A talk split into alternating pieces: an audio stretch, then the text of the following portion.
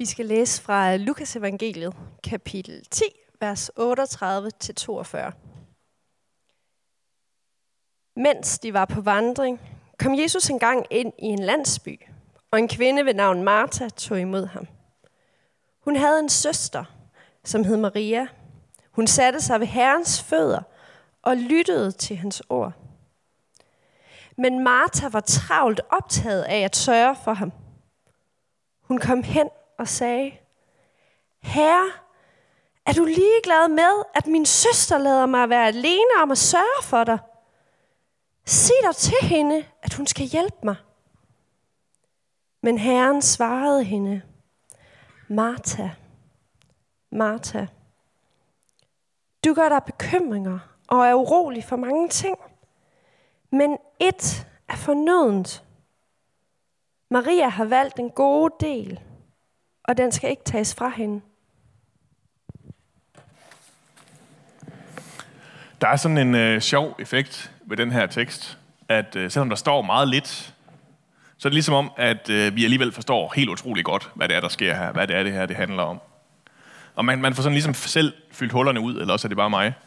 Øh, Martha, hun er kommet til at skæve over lidt for meget, ikke også? Hun har inviteret lidt flere mennesker, end hun egentlig kunne lave mad til, og nu står der, nu er der 70 mennesker i hendes hus, som hun sådan skal prøve at, at, at skynde sig at bække noget sammen til.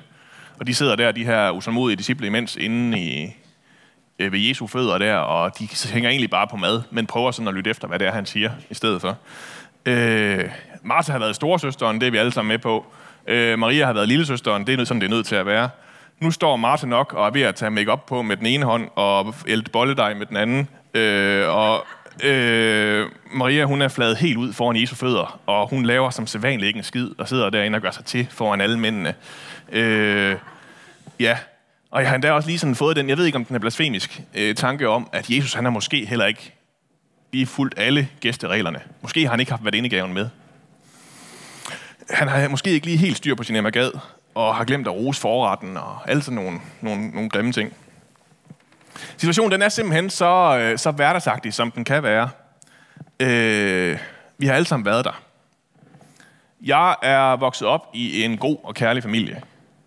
Undtagen, når vi holdt fest. Øh, det var ligesom om, at øh, så lærte jeg meget hurtigt, at man var nødt til at gå i flyverskjul. Man vidste nemlig bare, at før eller siden, så ville mor få en prop, og så ville hun bare skælde ud på alt og alle omkring sig, fordi at hun skulle lave det hele. Og hun havde på intet tidspunkt bedt om, at vi skulle hjælpe med at lave noget, eller vi har i ikke hørt det, hvis hun havde. Øh, men, øh, men nu stod hun så der igen og skulle nå at bage fem kager på en halv time, og øh, nå i bad samtidig. Men så alligevel så var det selvfølgelig vores skyld, at det her det ikke lykkedes. Øh, og, altså, vi var også nogle døende, ikke? det er også fire børn. Øh, der var virkelig ikke meget hjælp at hente hos os. Men efterhånden så blev det sådan bare sådan et irriterende, forudsigeligt mønster.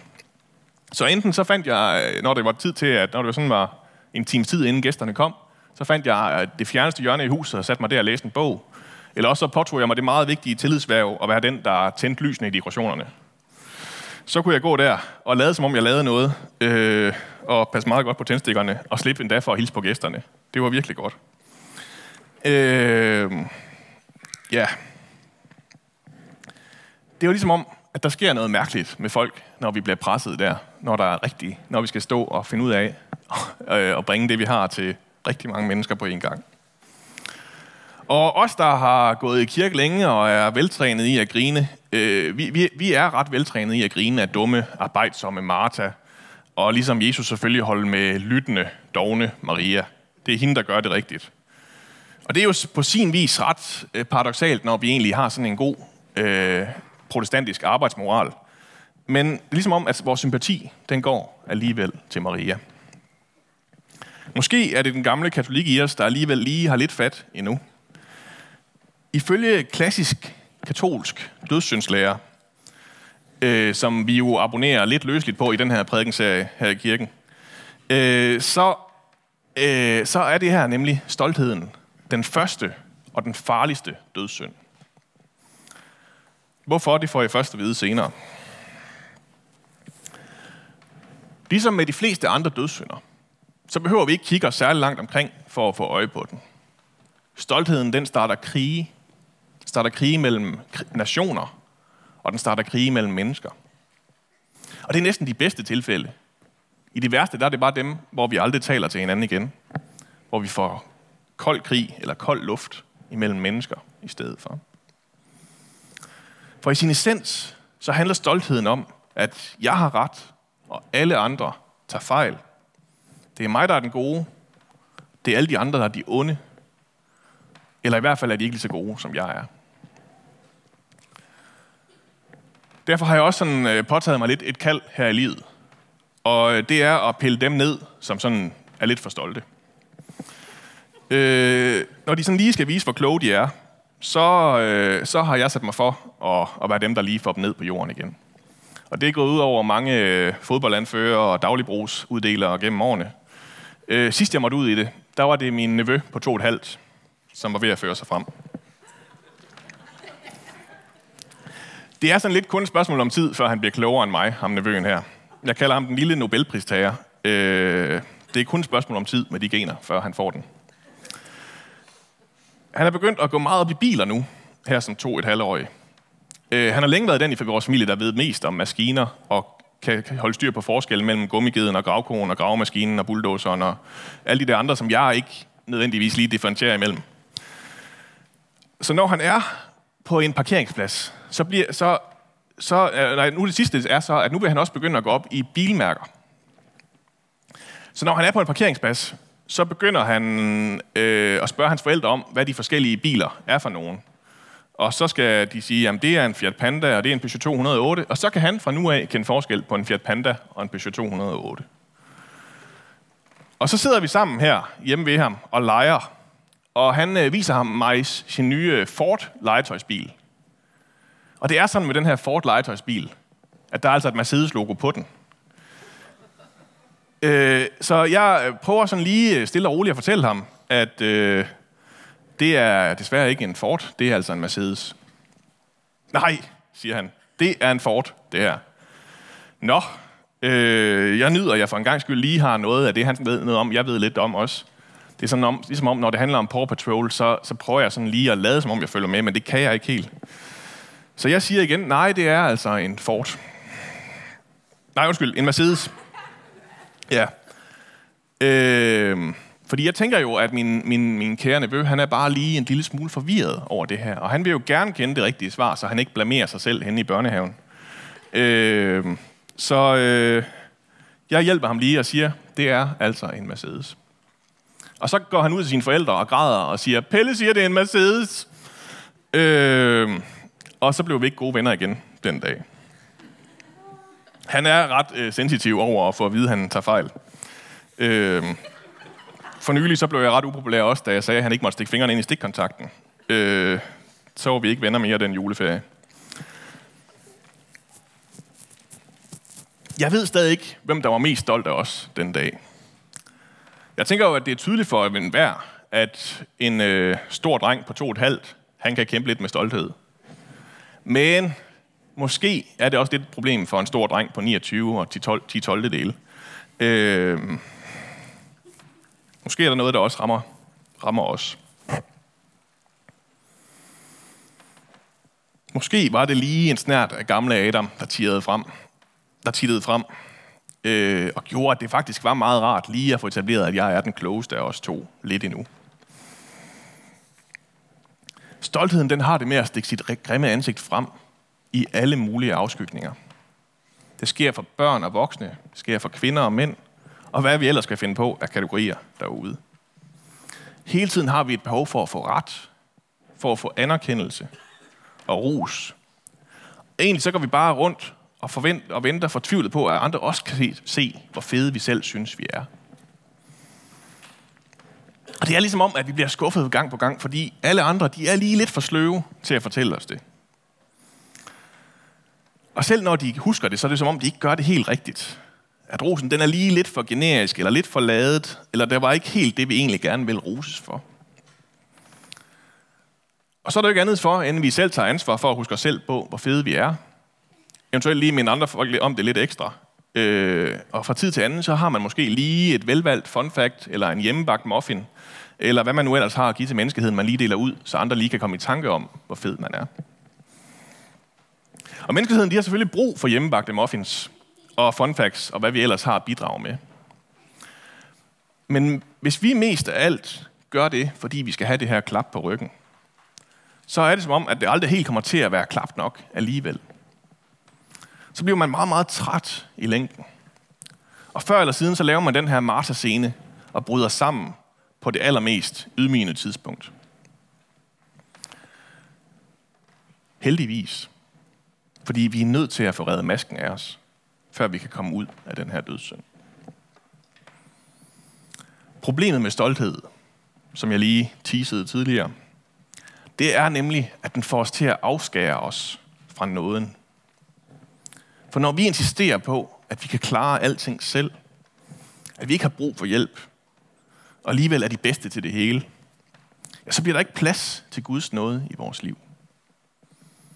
Det er derfor, at stoltheden er den første og den farligste dødssynd. Nu er det Martha, der blev skurken i dag.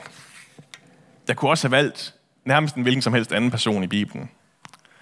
Jo vigtigere de er, eller jo vigtigere de selv synes jo er, jo mere sandsynligt er det, at de kæmper med stoltheden. I øh, andet Korintherbrev, der møder vi den gamle Paulus. Han øh, nærmer sig enden af sit liv, og han sidder og fryser i sin fængselscelle i Rom. Og så skriver han et brev til sit smertensbarn, Korinthermenigheden. Hans største hovedpine.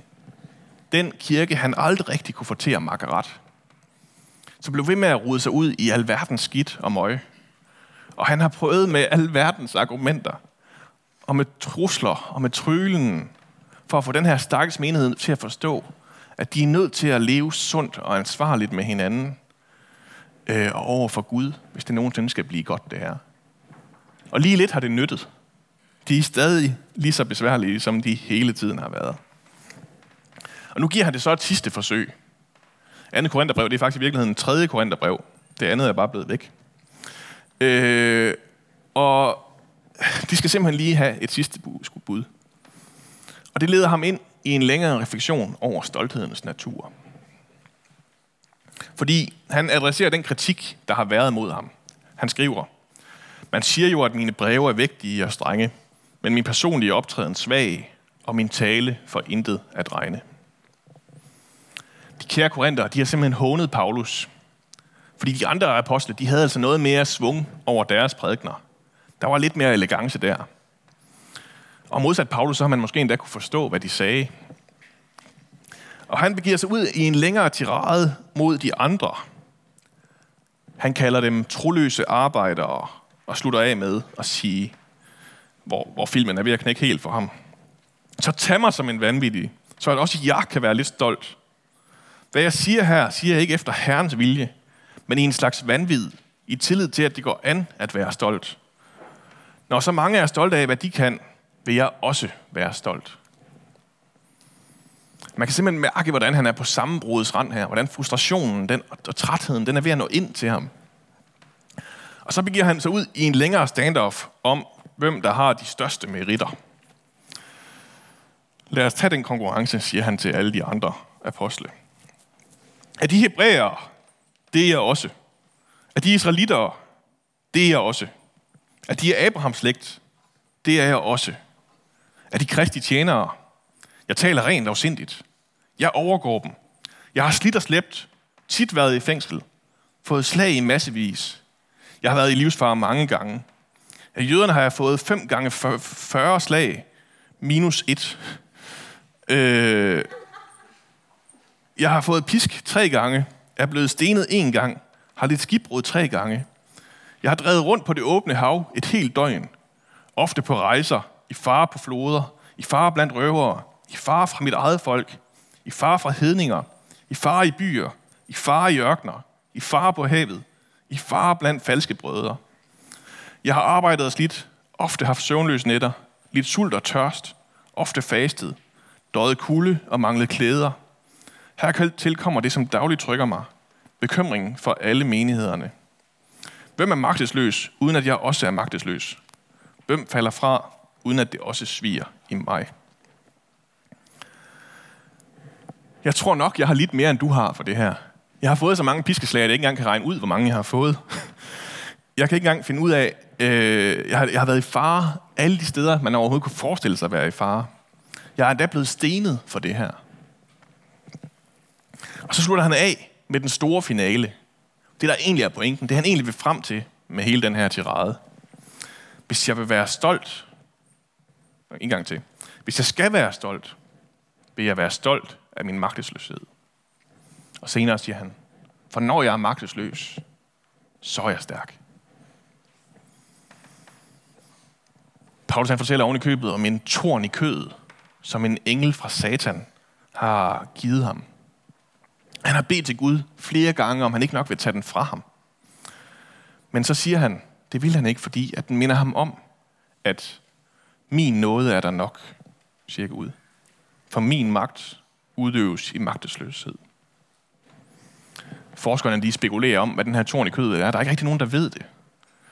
Men, der er ingen, der rigtig, men, det, men det lyder i hvert fald ikke rart, vel? Og den her torn i kødet, den har Paulus simpelthen brug for, for at minde ham om, hvem han er. Hvad i verden mener manden? Hvordan kan man være stærk og stolt, når man er magtesløs? Hvordan kan en torn i kødet være en hjælp for en?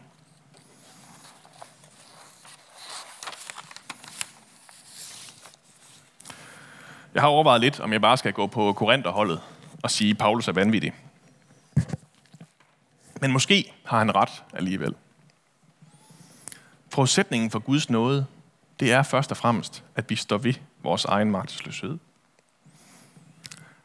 Og når vi har fået, fået Guds nåde, så er vi så stærke og ægte stolte, som vi overhovedet kan være. Så behøver vi ikke rende rundt efter, og lede efter anerkendelse hos høj og lav, hos chefer og hos kolleger, hos vores forældre eller hos vores børn. For lige meget, hvor meget alt det andet går op og ned, så er der et sted, hvor vi altid er ønsket og elsket. Hvor vi kan gøre noget for at fortjene os til mere eller mindre af den kærlighed. Jeg har lyst til at stoppe her. Men jeg tror alligevel, jeg er nødt til at, at, at fortsætte lidt. Men det er stadig som om, at, at det er svært at holde fast i det her. Det er svært at holde fast i, at vores magtesløshed skal være en god ting. Øh, som øh, ung prædikant med snakketøjet skruet nogenlunde ordentligt på, så må jeg jo finde mig i at få en del ros fra mine prædikner. Øh, sammenlignet med mine øvrige kolleger, så har jeg nogle ret astronomiske responstal. Der kan være sådan helt op til en 3-4 stykker, der fortæller mig efter en gudstjeneste, at det har været en god prædiken. Øh, og øh, hvor... Og nu hvor jeg er ved at vende mig til tanken om, at det ikke behøver at betyde, at de 120 andre, de ikke kan lide prædiken, så står jeg tilbage med stoltheden som lidt af et problem, nu når jeg får så meget ros. Hvad skal jeg gøre ved, at jeg er god til mit arbejde? Modgiften mod stolthed, kardinaldyden, som de gamle katolikker sagde, man skulle have lært sig i stedet for stoltheden, det er selvfølgelig ydmyghed. Jeg får heldigvis også en del ros for min store ydmyghed. Øh, men det er mest af folk, der ikke kender mig så godt. Og så kunne jeg selvfølgelig bare være hurtig og vinge den af. Nu er der bare det problem med ydmyghed, at den er ret svær at lære. Man kan faktisk ikke engang rigtig tale om den, uden at den forsvinder. Der er sådan en paradoxal natur i det. Og når man så prøver at tvinge sig selv til at, at, at blive lidt mere ydmyg, så bliver det tit til sådan en, en misforstået jantelovs ydmyghed.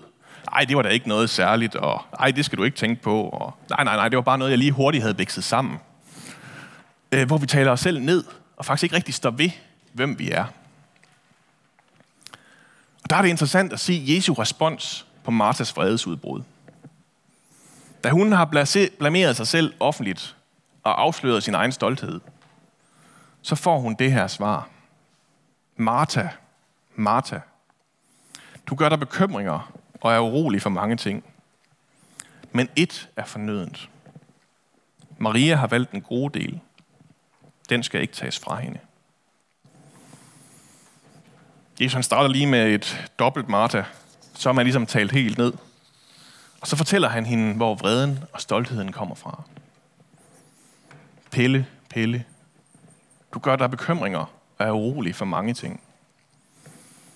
Du forestiller dig alle mulige vanvittige worst case scenarier. Jeg forestiller mig, at det værste Martha hun kunne forestille sig, det var, at baguettene de bank, brændt på i ovnen, eller lakserouladen, den blev lidt for saltet. Øh, men øh, det kan også være, at hun tænker, at hun er fanget ude i det her køkken resten af sit liv. Hun kommer aldrig til at tale med mennesker igen. Fordi mens søster Maria hun sidder derinde og driver den af, så er det hende, der er nødt til at lave arbejdet. Men så siger Jesus til hende, at alt det, det behøver hun faktisk slet ikke være urolig for. Fordi hvis hun i stedet vil tænke på det ene fornødende, den gode del, og se på Jesus, i stedet for at se på sig selv, så er der måske en bedre vej. Som en engang har sagt det. Ydmyghed, det er ikke at tænke mindre om sig selv. Det er at tænke mindre på sig selv. Og det sidste, det er langt sværere end det første. Jeg tror måske, at det kræver en del øvelse.